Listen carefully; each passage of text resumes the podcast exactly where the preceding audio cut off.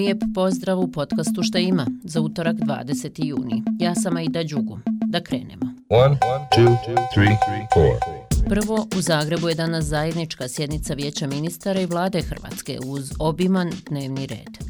Dominiraju infrastrukturni projekti i to oni o kojima se godinama govori, kao što je između ostalog most Brčkog Gunja, rekao je dan ranije ministar vanjskih poslova BiH Elmedin Konaković. Ministri dviju vlada razgovaraći o problemima sa Drgovskom gorom, kao i o pitanju sukcesije. Konaković kaže da nemaju ponuđena rješenja za imovinu koju BiH posjeduje u Hrvatskoj. Te teme ne odustajemo.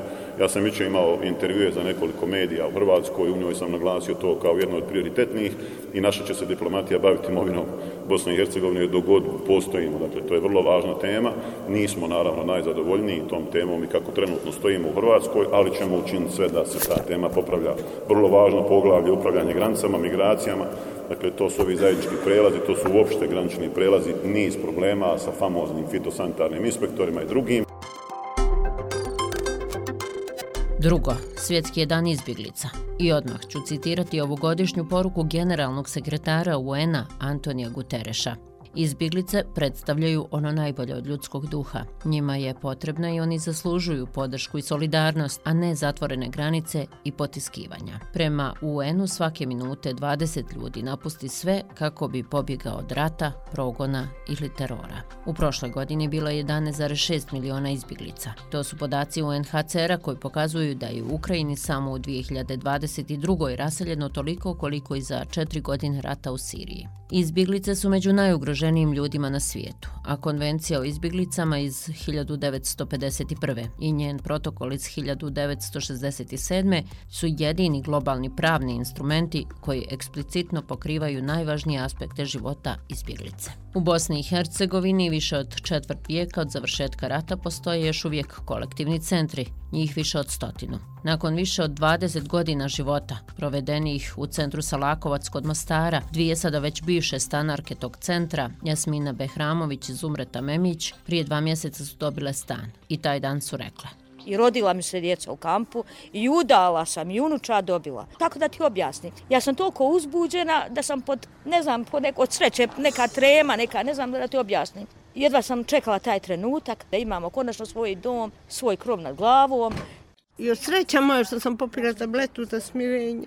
Ali ovo, ja sam majka danas najsrećnija da moja djeca imaju stan, Pa nisu više u kampu. Jer 27 godina sam ja u kampu.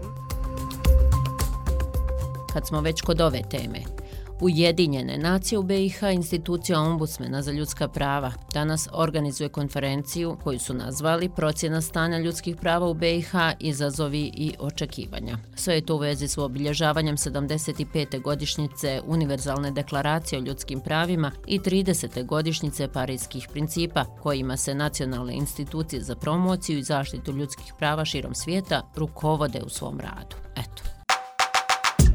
Kao četvrto, izdvajam sastanak ambasadora Evropske unije i Sjedinjenih država u BiH, Johana Satlera i Michaela Marfija sa predstavnicima vlasti Federacije Bosne i Hercegovine. Oni će govoriti o procesu pristupanja Evropskoj uniji, strateškom razvoju zakonodavstva i politike, kao i o programiranju i finansiranju uz podršku Evropske unije i Sjedinjenih država.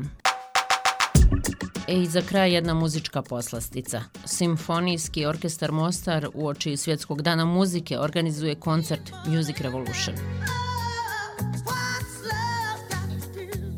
Na repertuaru su Evergreen i Tine Turner, Aretha Franklin, Queen, Princa, Whitney Houston i tako dalje.